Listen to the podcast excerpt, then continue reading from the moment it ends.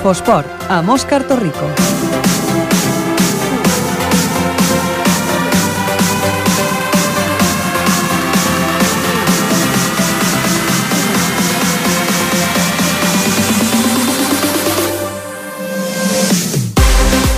Tarda, benvinguts a una nova edició de l'Infoesport, el programa dels esports aquí a Ripollet Ràdio.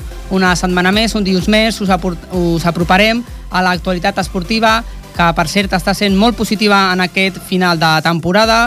El club en vol Ripollet que ha aconseguit l'ascens. En el bàsquet també tenim notícies bastant positives perquè hi haurà dos equips que jugaran les fases d'ascens. Tot plegat ho explicarem aquesta tarda i algunes altres coses més. Començarem, com sempre, pels marcadors al repassar tot el que ha donat de si el cap de setmana.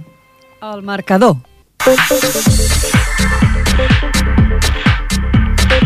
I aquest repàs dels marcadors el farem, com és habitual, amb la nostra companya, la Mèriam Lara. Mèriam, bona tarda. Bona tarda, Òscar. Doncs començarem per handbol, a la tercera catalana. La Salle Montcada 31, handbol Ripollet 37. Els ripolletens no van voler deixar els deures per a l'última jornada i van aconseguir l'ascens dissabte en vèncer el, el derbi davant el veí Montcada. Amb un gran inici de partit, l'handbol Ripollet va posar coll avall el triomf que necessitava per assegurar-se que l'any vinent jugarà a segona catalana. Marxem cap al futbol. La segona catalana, Club de Futbol Ripollet 0, Lloreda 3. Tercera derrota consecutiva per a un Ripollet que ha baixat els braços en una final de temporada on ja no es juga res a la classificació. Davant un rival més encertat de cara a porteria, el conjunt de David Ortiz va cedir la decena derrota del campionat, tot i que es manté setè a la classificació. Baixem una categoria fins a la tercera catalana, Penya Deportiva Pajaril 3, Atlètic Barceloneta 1. El Pajaril va certificar matemàticament una permanència a tercera catalana que feia setmanes que tenia a la mà. Tot i començar perdent, l'equip va remuntar la segona part, amb gols d'Ismael, Carlos i Fran. Així va acabar sumant l'11 triomf de la temporada i va arribar als 40 punts. També a tercera catalana es va suspendre el partit entre l'Escola Futbol Base Ripollet i el Montmeló. Baixem a una categoria més fins a la quarta catalana amb un, dos resultats. El primer, Veterans Catalunya 6, Can Mas 0. En el darrer partit de la temporada com a visitant, el Can Mas va encaixar un contundent, una contundent col·legiada, la 28a derrota en 27 duels. 21a derrota en 27 duels. I també l'altre resultat, Escola Futbol Base Ripollet B 1, Passos Atlètic 4. El segon equip de l'escola va perdre en el, en el seu últim partit com a local i es va quedar sense conèixer el triomf a casa en tota la temporada. Només ha pogut sumar 3 empats al camp de l'industrial i pot acabar la Lliga en, els, en la penúltima posició, que ara ocupa. Passem ara al futbol sala, futbol sala masculí, a tercera nacional, Manlleu 6, futbol sala Ripollet 6. Els ripolletens van deixar escapar el primer match ball per aconseguir l'ascens. Tot i posar-se amb 0 a 2 a favor, van veure com els usonencs li donaven la volta al, marca, al, marca, al marcador a la segona meitat. L'equip, líder destacat, necessita només un punt més en les últimes 3 jornades per pujar de categoria. A la divisió d'honor catalana, Estel Vallseca 3, futbol sala Ripollet B 0. Tres gols encaixats a la segona meitat van condemnar el segon equip del futbol sala a sumar la segona derrota consecutiva. L'equip defensarà la tercera plaça a la classificació en les tres jornades que li resten. A tercera catalana, Centre Montserrat Xavier C, 3, Inter Ripollet 1. Tot i posar-se per davant al marcador amb un gol d'Àlex, l'Inter va sumar el seu sisè partit consecutiu sense conèixer el triomf. A falta de dues jornades per al final del campionat, l'equip ocupa una tranquil·la vuitena posició. I en futbol sala femení, a la divisió d'honor, Can Clos 2, Altafulla 3. El Can Clos va tancar la Lliga amb una derrota a casa, on ha estat molt irregular al llarg de l'any. El pavelló Joan Creus només ha guanyat 5 dels 13 partits disputats, mentre que a domicili ha estat molt millor, el que li ha portat a acabar la Lliga en la quarta posició de la classificació. Marxem cap al bàsquet en categoria masculina, primera catalana, Club Bàsquet Ripollet 92, Corbera Negra 88. Un ajustat triomf a la darrera jornada de la temporada va permetre al bàsquet Ripollet tancar la Lliga a la sisena posició a la classificació.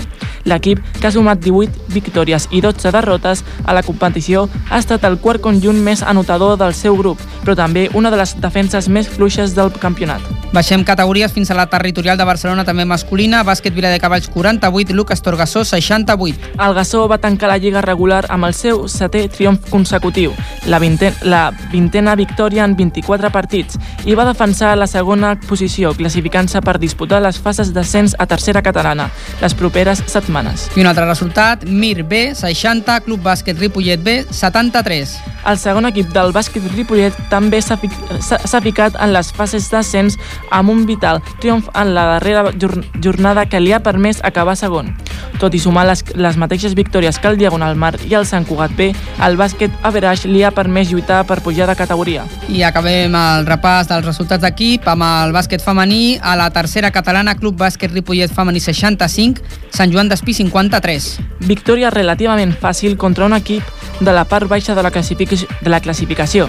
Acaben la temporada en una setena posició, a la mitja taula. I continuem, acabem ja els resultats del bàsquet femení a tercera catalana. L'altre equip, el bàsquet Gassó femení, que també va guanyar. Bàsquet Viladecavalls 27, bàsquet Gassó femení 60. Les verdes acaben la temporada en molt bona posició, encara que fora de les fases d'ascens. Queden quartes empatades amb les terceres i acaben la temporada amb un molt, amb un molt bon partit disputat. I també tenim uns resultats, un repàs del que ha estat el cap de setmana perquè es va disputar la milla urbana de Ripollet, veritat, Mèriam? Sí, ahir diumenge es va disputar la 18a milla urbana de Ripollet, amb 150 participants en 20 categories. Destacar el triomf en categoria sènior d'Oriol Vilapana, del Club Avinent Manresa, mentre que en categoria popular van vèncer Facial Bessiani de Barcelona i Mari, Car i Mari Carmen Escobar del Castellà del Vallès. Pel que fa a les categories de base, els ripolletens més destacats van ser els següents. Entre les noies, Carla Geralbert va, va vèncer en pre Prebenjamí, Paula Carmona va guanyar en cadet i Jasmina Martín en júnior i Clàudia Martínez en juvenil. I pel que fa als nois, Mar Marc Quiran va guanyar en prebenjamí i en alevins va vèncer Brahil Dahak. També hem de dir que una setmana enrere la, la Ripollet Unió Atlètica va aconseguir dos podis al Campionat de Catalunya de relleus en categories de base disputat a Mataró. A la prova de 3 per 600, per 600 eh, metres a la bimasculí, Brahim Dahak, Bernat Pubill i Joan de la Torre es van proclamar subcampions amb un temps espe eh, espectacular, a només 3 segons de l'anterior rècord de Catalunya, que va batre l'equip vencedor, el club muntanyenc de Sant Cugat. Al 3 per, 6, per 600 metres, a la femení, Laura Torres, Alejandra Camps i Daniela Martínez van, van penjar-se la medalla de bronze, quedant a 6 segons de les vencedores. Doncs moltes gràcies, Mèriam. Ja acabem els resultats, però ho hem de fer felicitant a la Lucila Pasqua, jugadora de Ripollet, perquè aquests dies passats ha guanyat la Lliga Hongria amb el Pink Pexi, eh, l'equip que la va fitxar a principis d'any, al gener, doncs la Lucila que ha aconseguit guanyar aquesta Lliga a Hongria i que per tant la suma a la Lliga que ja va aconseguir la Lliga Espanyola contra el Perfumeries Avenida. Deixem aquí els resultats i que comencem a endinsar-nos en algunes de les, eh, de les activitats més interessants del cap de setmana d'aquests resultats que us hem explicat. Els explicarem una miqueta més a fons. Comencem. Futbol sala. Futbol sala. I començarem pel futbol sala com escolteu i pel resultat del futbol sala Ripollet que va empatar aquest eh, dissabte passat contra el Manlleu, a la pista del Manlleu a, a 6 gols. Eh, l'equip que es va posar per davant el marcador amb 0-2 però que al final doncs, va, va patir per treure un punt, necessitava, necessitava la victòria per assegurar ja eh, l'ascens matemàticament, tot i que queden 3 jornades, eh, va sumar un punt i per tant li queda un altre punt per poder assegurar aquest ascens en les 3 jornades que resten. La veritat és que ho té molt encara l'equip. Tenim a l'altre costat del telèfon el Sergio Oruj, eh, jugador de, del futbol Sal Ripollet. Sergio, buenas tardes. Hola, buenas tardes. ¿Qué pasó ahí? No, no se pudo conseguir ese triunfo en el primer match ball que había de los, de los cuatro que tenéis en este final de temporada. No, no se pudo. Empecemos bien el partido, como habéis dicho, ganando 0-2, pero luego la ansiedad de querer ganar el título pronto, pues nos pasó factura. Muchas ocasiones falladas y el otro equipo se juega el descenso y estaba iba muy fuerte.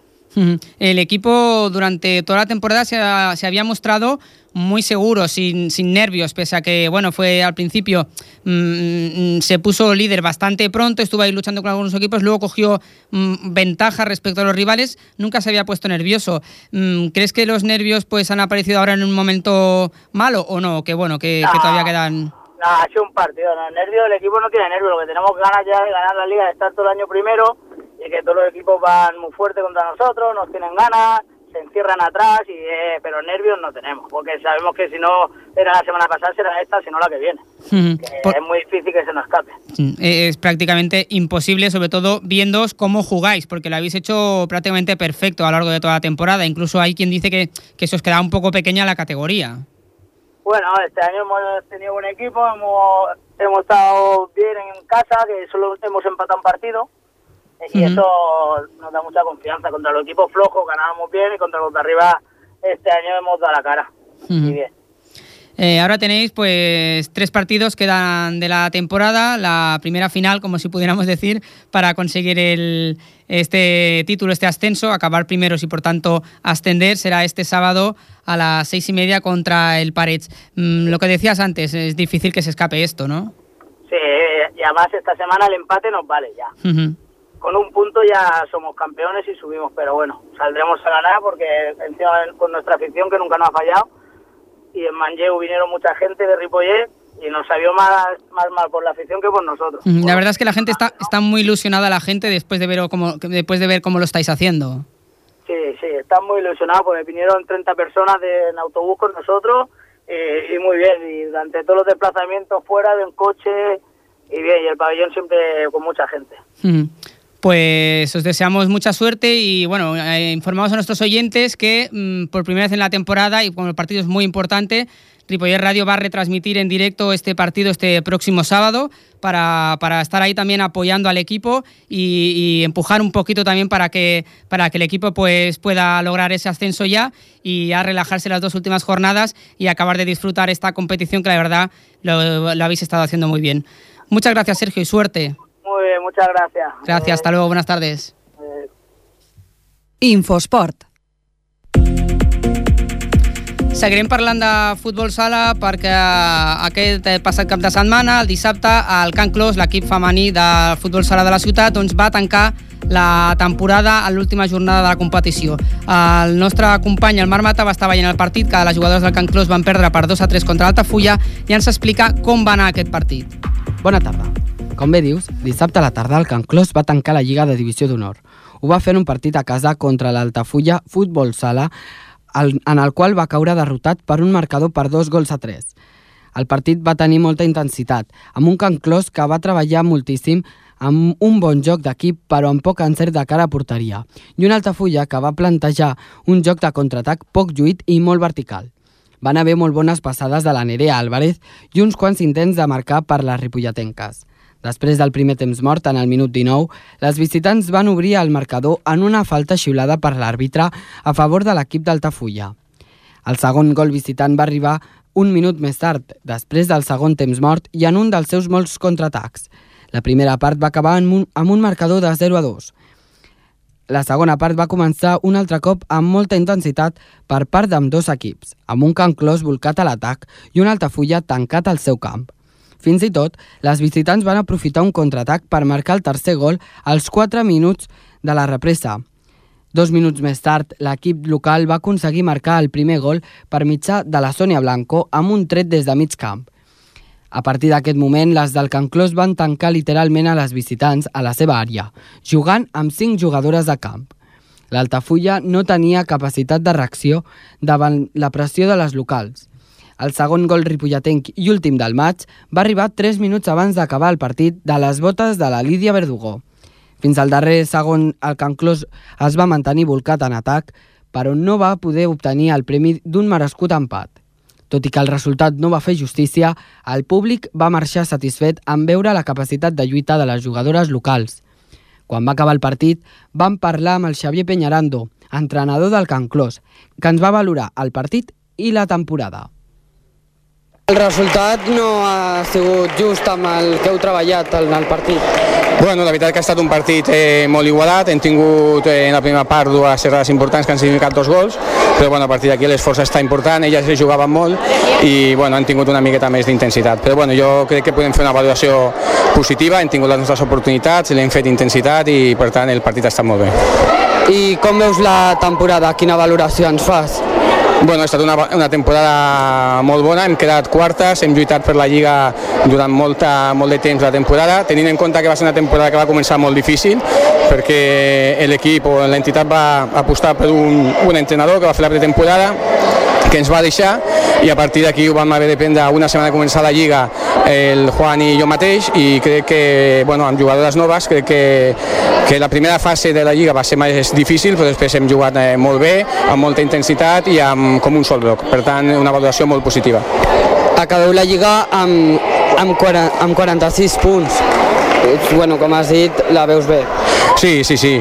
Eh, clar, quan fas la vista enrere sempre hi ha algun partit que dius llàstima que haguéssim perdut aquell partit, però la valoració és positiva perquè també hem guanyat contra rivals molt difícils. Doncs el Can Clos acaba la temporada de la Lliga en quarta posició, amb 46 punts, 14 partits guanyats, 8 perduts i 4 empatats en 26 jornades. Només la irregularitat a casa ha impedit que les jugadores ripolletenques poguessin lluitar per pujar de categoria. Doncs moltes gràcies, Marc. Continuem ara amb un altre esport.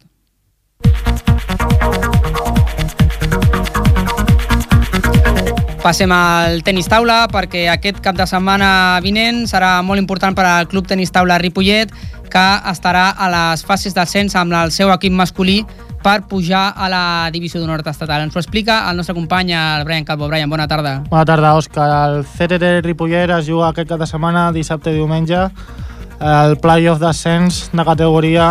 Eh, la Lliga ja ha acabat, han sigut tercers amb un balanç de 16 a 4 i l'anàlisi global ha sigut bastant bo, tenint en compte els jugadors que hi ha, el- tots del planter, l'anàlisi en general ha sigut molt bo.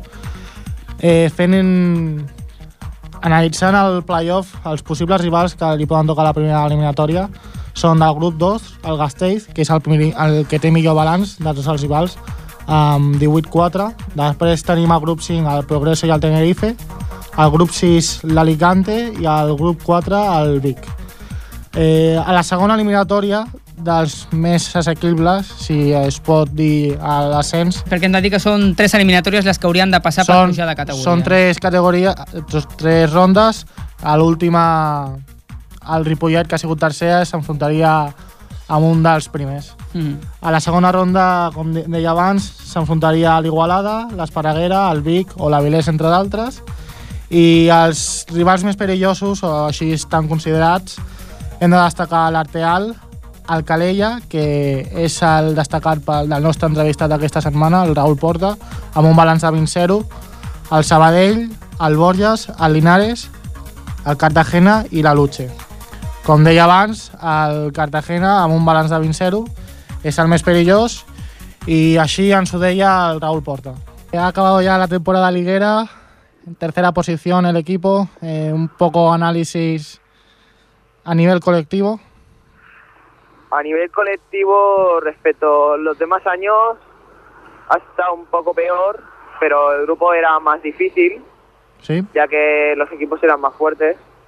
Y a nivel individual, pues bastante mejor. El objetivo era un 80 y al final he conseguido un 77. Eh, ¿este es tu mejor registro o Eh, es el mejor registro, sí. hasta ahora cuál era el mejor? Un 65. La mejora es notable. Explícanos un poco, pues, estáis clasificados para el- la fase de ascenso, ¿cómo es el formato? Eh, juegan un tercero contra un segundo. ¿Sí? Si se gana, se juega contra quien gane otro segundo contra otro tercero. ¿Mm? Y si se gana, se juega contra quien pierde de un primero contra otro primero. O sea, son, si, to- si todo va bien, tres rondas. Sí, Y ya se sube a, a la siguiente categoría. sí. En el caso que hubiéramos quedado primeros, pues sería un partido Sí. y si ese partido lo perdiéramos, tendríamos una segunda oportunidad contra un segundo o un tercero. Vale. De cara a este playoff, ¿qué posibles rivales os pueden tocar?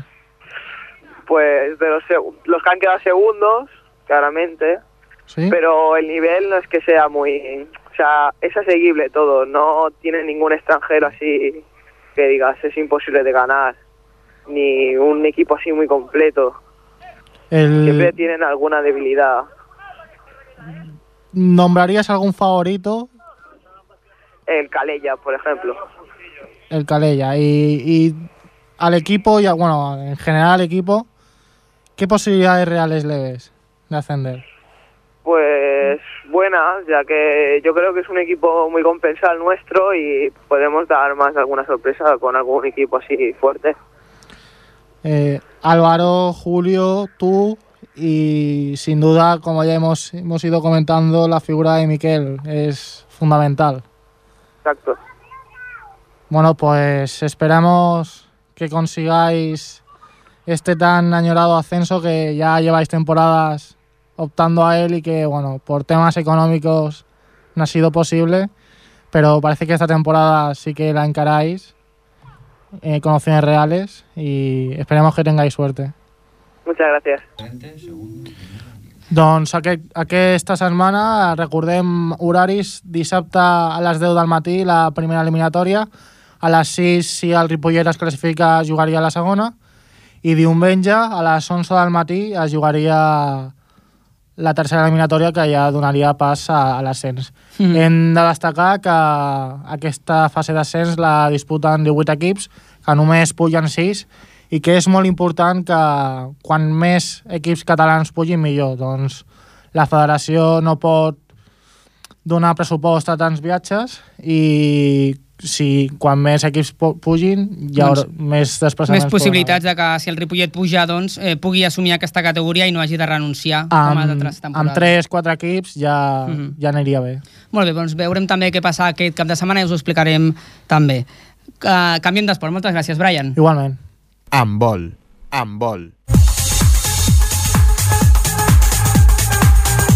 Don, doncs, sens dubte, aquest cap de setmana la notícia més destacada per l'esport de Ripollet ha estat l'ascens de categoria del Club Handbol Ripollet del primer equip sènior doncs, que ha aconseguit aquest ascens de categoria. Per parlar-ne tenim el nostre company, el Ferran Rigat. Ferran, bona tarda. Bona tarda, Òscar. Així és, l'handbol per fi ha aconseguit l'ascens a tercera catalana preferent. El primer equip de l'handbol eh, va visitar la pista de Montcada per disputar un dels, si no el partit més important, un dels partits més importants de la temporada contra la Saia Montcada. El partit que decidia si l'equip podia aconseguir l'ascens en la penúltima jornada. L'equip va gaudir de la companyia de bastants aficionats per sentir-se recolzats, però el, el públic moncadenc va resultar molt més hostil del que s'esperava. Els ripolletens van sortir endollats eh, aconseguint una, un marcador favorable de 3 a 9 però els moncadensos aferrant-se a una mínima opció per intentar l'ascens i amb una defensa que a poc a poc es va anar fent més forta van aconseguir igualar el marcador els ripolletens en aquest moment demostraven una defensa un tant fluixa però van refer-se dels nervis que, va, que van propiciar l'igualada aconseguint un 16-18 a la mitja part la segona meitat, l'equip va fer gala de la mateixa tònica que a l'inici de la primera, que va aconseguir distanciar-se exponencialment amb bones actuacions personals de tots els jugadors. Els de Santilló van aconseguir una distància de fins a 9 punts, però el bona fe dels locals va fer que el resultat acabés 31 a 37. Uh, des del club se, se sent una, una gran alegria uh, on, cal que on des del seu Facebook han fet palesa dient que cal destacar la gran feina realitzada per tots els integrants. Començant per l'entrenador i seguint per la resta del cos tècnic. De tots els jugadors que han tingut una, un bon número de jugadors aquesta temporada. Mm. -hmm. i simplement felicitant el club uh, per parlar de, Mhm. d'aquest ascens, per parlar d'aquest del partit i en general tenim el Santi Llop. Buenas tardes, Santi. Hola, buenas tardes. Que lo tenemos aquí en el plató. Y si en llamada tenemos a Diego Torres. Buenas tardes, Diego. Buenas tardes. Hola, buenas tardes a los dos. Hola, buenas tardes. Pues antes de nada, felicitaros a los dos. Ah, y lo primero obligado, ¿cómo celebraréis? ¿Cómo lo celebraréis? Diego, ¿cómo lo celebraréis? Hombre, pues yo creo que seguramente haremos una cena.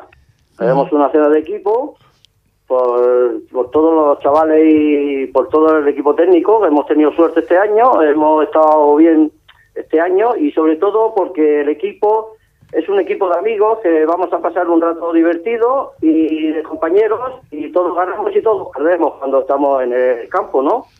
Y este Y- año, pues yo creo que los chavales, pues se lo han merecido, porque han luchado, han luchado mucho.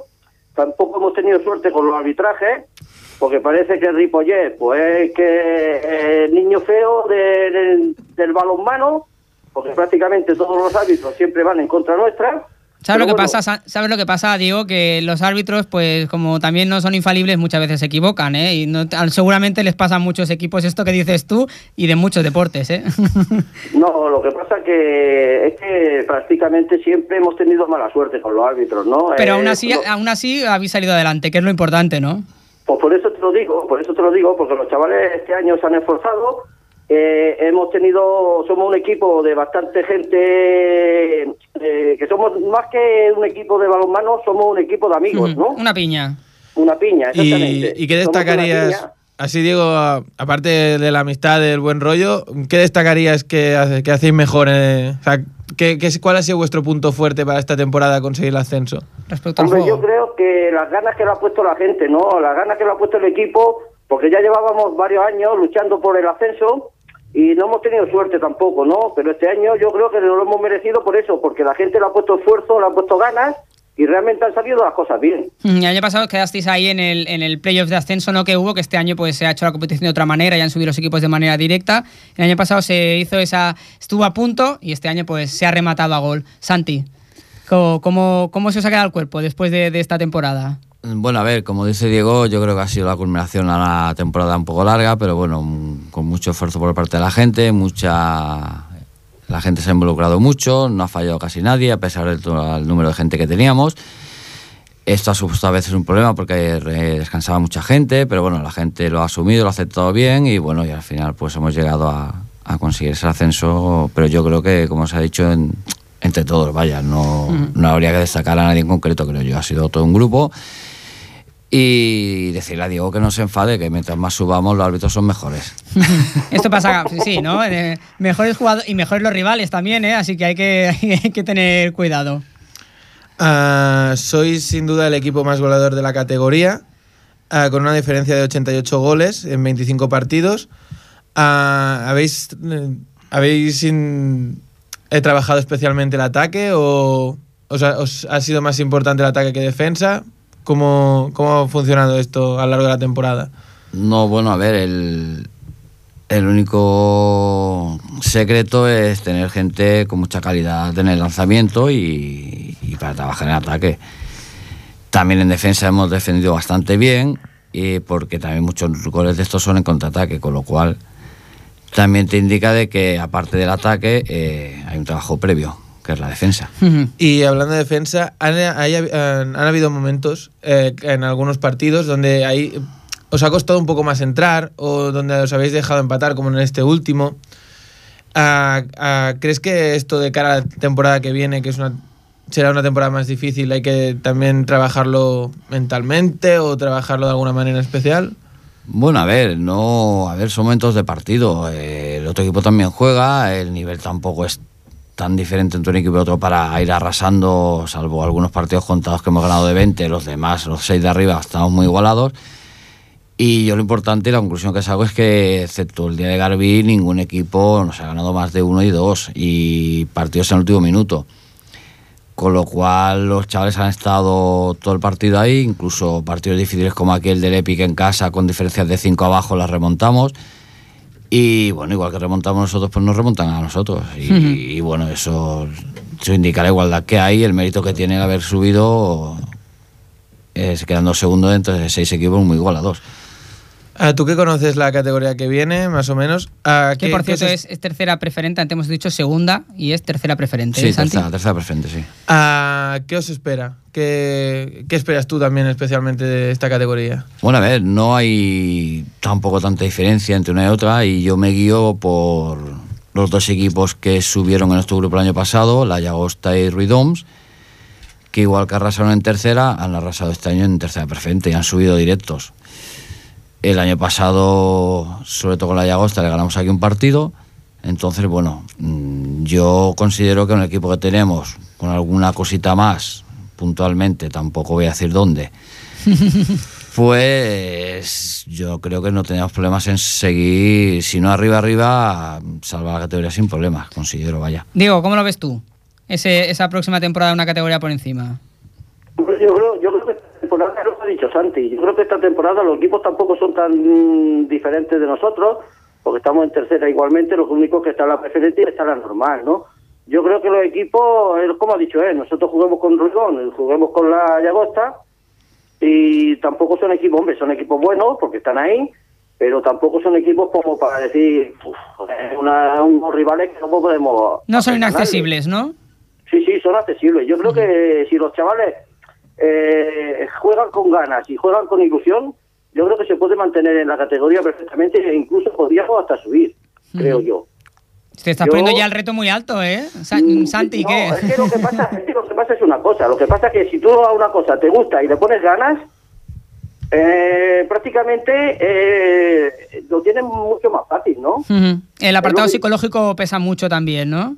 Sí, yo también, yo también eso también lo creo. Claro, ellos ahora mismo están, ellos están ahora mismo muy contentos, ¿no? Bueno, estamos todos contentos, ¿no? Porque realmente, ya te digo, nos lo merecíamos de hace un par de años.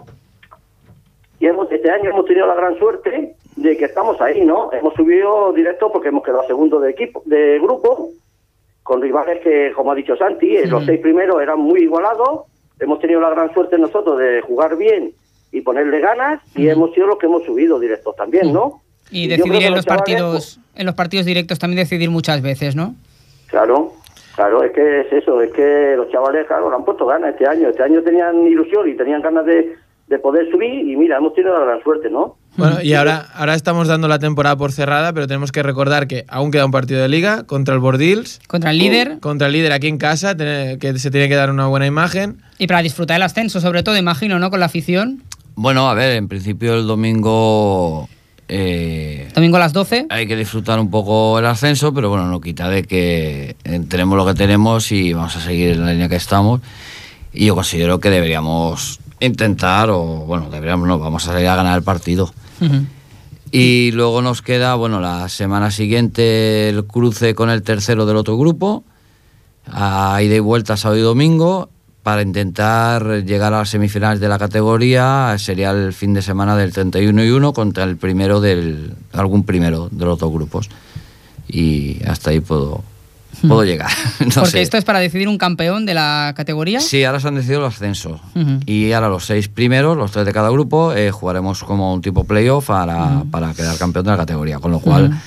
Ahora el próximo objetivo, sobre todo, es pasar dentro de dos semanas el cruce, con el siguiente, el tercer otro grupo, e intentar llegar a una semifinal y una final, intentar quedar campeón de la categoría. Ya que estamos, pues. Pues muchas felicidades a los dos y a todo el equipo que la- lo hagáis extensiva desde, desde aquí de Ripoll Radio y mucha suerte en esto que queda y sobre todo en la temporada que viene, que esperamos veros ahí seguro jugar con, con, con mucha, con, muchas posibilidades de, de estar ahí plantando cara a muchos equipos y de disfrutar de la nueva categoría. gracias, Gracias, a Diego. vosotros. Muchas gracias a vosotros, ¿eh? Venga, a disfrutarlo. Gracias, Santi, Venga, también. gracias. Venga, Hasta Venga, luego. hasta luego. Gracias, Farran. Bàsquet. Bàsquet.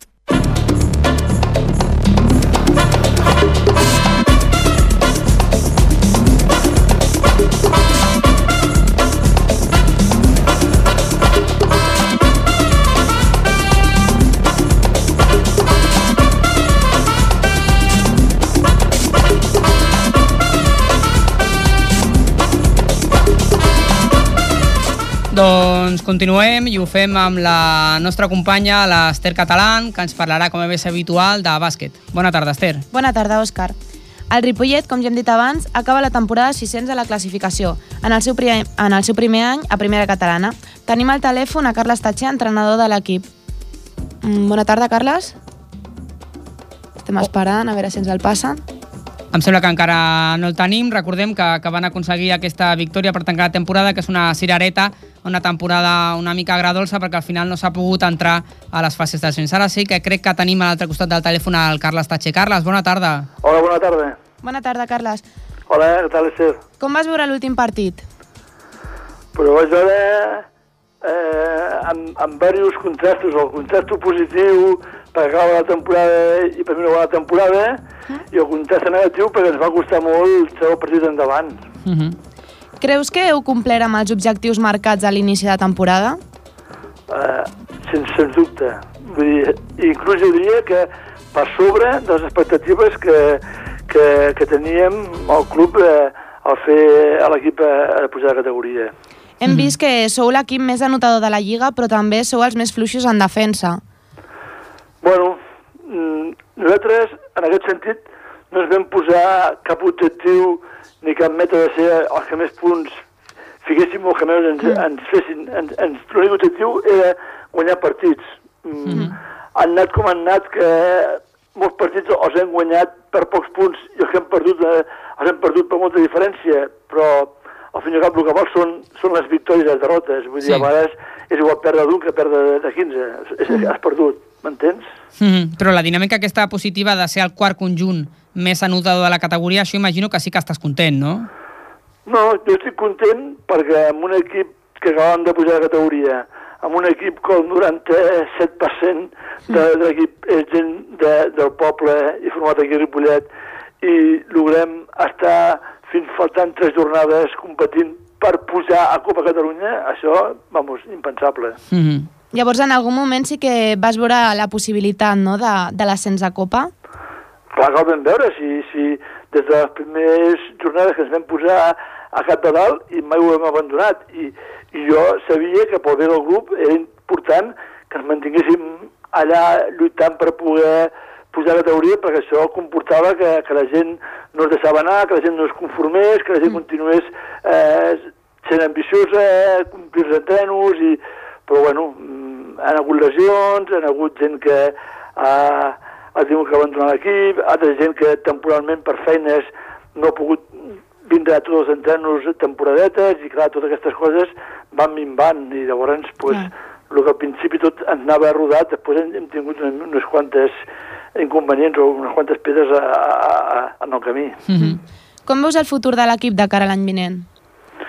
Bueno, mm, això mm, jo ara mateix no t'ho puc contestar perquè com que jo no seguiré ni sé qui serà el nou entrenador, no se m'ha comunicat encara, no sé qui continuarà i qui no continuarà, qui vol l'entrenador.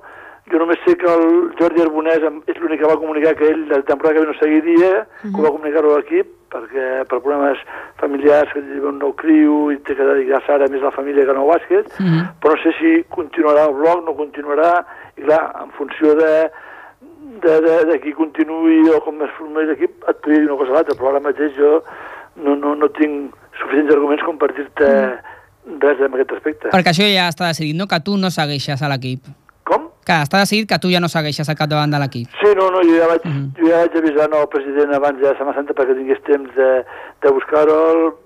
He preferit una retirada de temps perquè estava veient que feia falta, això que dèiem, que al final de tot ens ha fet falta aquesta cosa i això és un revulsiu de- d'un entrenador i, i, i pues prefereixo eh, que, que a veure si eh, amb aquest bloc un entrenador nou podem aquí, o reforçant-se una miqueta, podem aquí continuar eh, amb aquesta línia i a veure si podem fer un pas més endavant.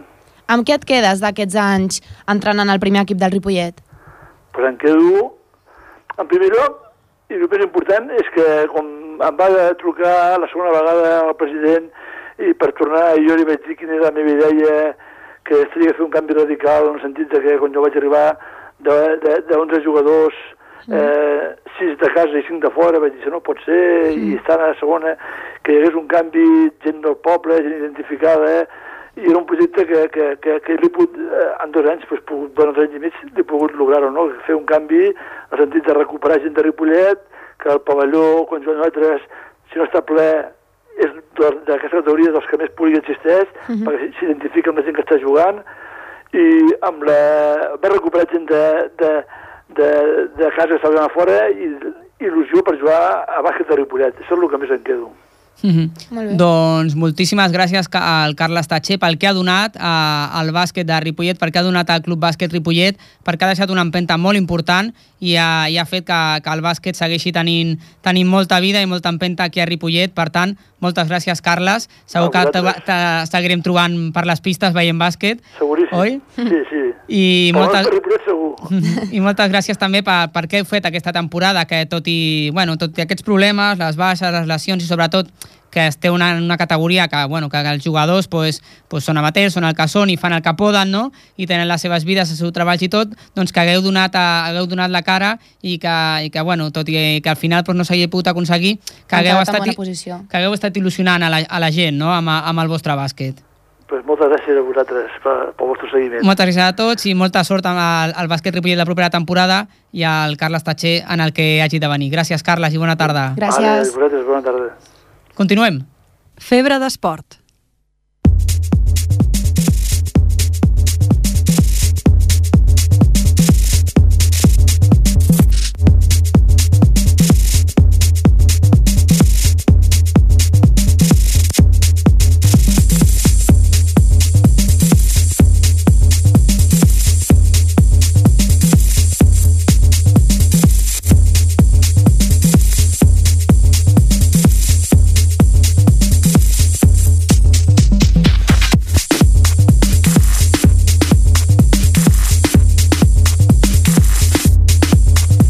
Per acabar amb el bàsquet hem de recordar el que dèiem amb el repàs dels resultats, que el, tant el segon equip del bàsquet Ripollet com el Lucas Torgassó disputaran finalment les fases d'ascens perquè tots dos equips han quedat a la segona posició dels seus grups i per tant eh, les properes setmanes disputaran les fases d'ascens per intentar pujar a tercera catalana.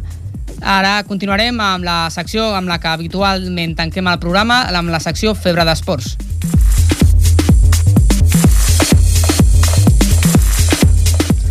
Doncs acabarem, com dèiem, amb aquesta secció en la que cada setmana ens apropem a l'esport de base eh, perquè els jugadors de, de la ciutat, els joves jugadors, ens expliquin doncs, com veuen la pràctica esportiva. Avui ho fem amb el nostre company, el Jordi Soteres. Jordi, bona tarda. Hola, què tal? Bona tarda, Òscar. Que ens ha portat un noi que juga al futbol sala Ripollet. Sí que es concretamente Álvaro Robledo. Hola Álvaro, ¿qué tal? Buenas tardes. Hola, buenas tardes. Bueno, vamos a ver. Álvaro es un jugador que juega en el fútbol sala Ripollet, chico de 15 años, juega en primera división, ¿sí? Y bueno, es, es- ha estado por primera vez preseleccionado para la selección catalana. ¿eh? Ujú. Y ya ha sido, es, es- es una cosa reciente. Él, concretamente, me parece que ayer fuiste a Cornellá por primera vez a hacer, un- a juntaros con los preseleccionados. ¿Cómo fue? Bueno, fue una experiencia inolvidable porque por primera vez que, que puedo entrar en la selección, pues me lo tengo que ganar entreno a entreno y, y eso fue muy bien porque también me sentí muy cómodo y conocía a casi todos los chicos porque también había entrenado con ellos y poco más. ¿Ya habías entrenado antes con la selección catalana en, algunos, en algunas preparaciones o no? ¿O era la primera vez? No era la primera vez, pero Mm. anteriormente fui al torneo de las comarcales que se, se, se disputa en Blanes y contra, contra otras, otras selecciones comarcales y poco más. Había, Álvaro, jugadores de varios equipos. ¿De qué, en- de qué equipos había jugadores? Bueno, ¿De qué entidades? Estaban los jugadores de las COS, los jugador- un jugador de Manresa, dos de Marfil, uno de San Vicentí y estaban también convocados los del Barcelona, pero no pudieron asistir porque estaban preparando el campeonato de España. Mm, Desde lu- mm, de hecho, de hecho él juega en primera división y hay que destacar que los jugadores mm, básicamente son de división de honor. Él juega como la segunda división, hay división de honor y primera división. Lo que sí que sé, ah, Álvaro, es que detrás tuyo van algunos equipos. Por ejemplo, Pues hace ya un mes o tres semanas que entrené con Barça. Recientemente estoy entrenando con Marfil y las COS y Natasio Sabadell han hablado con mis padres a ver de cuándo puedo ir. Mm, Mira, yo hace muchos años que entreno y, y lo digo así de claro, los papás son un rollo total. Tú, tú decides a qué equipo vas, tú puedes quedarte en el Ripollet porque, aquí, porque allí estás bien o a ti te, gusta, te gustaría irte. Bueno, ¿Decides tú? Bueno, el Ripollet siempre va a ser mi casa, pero también tengo que buscar nuevos aires, jugar en categorías más altas para desenvolupar mi, mi potencial como jugador.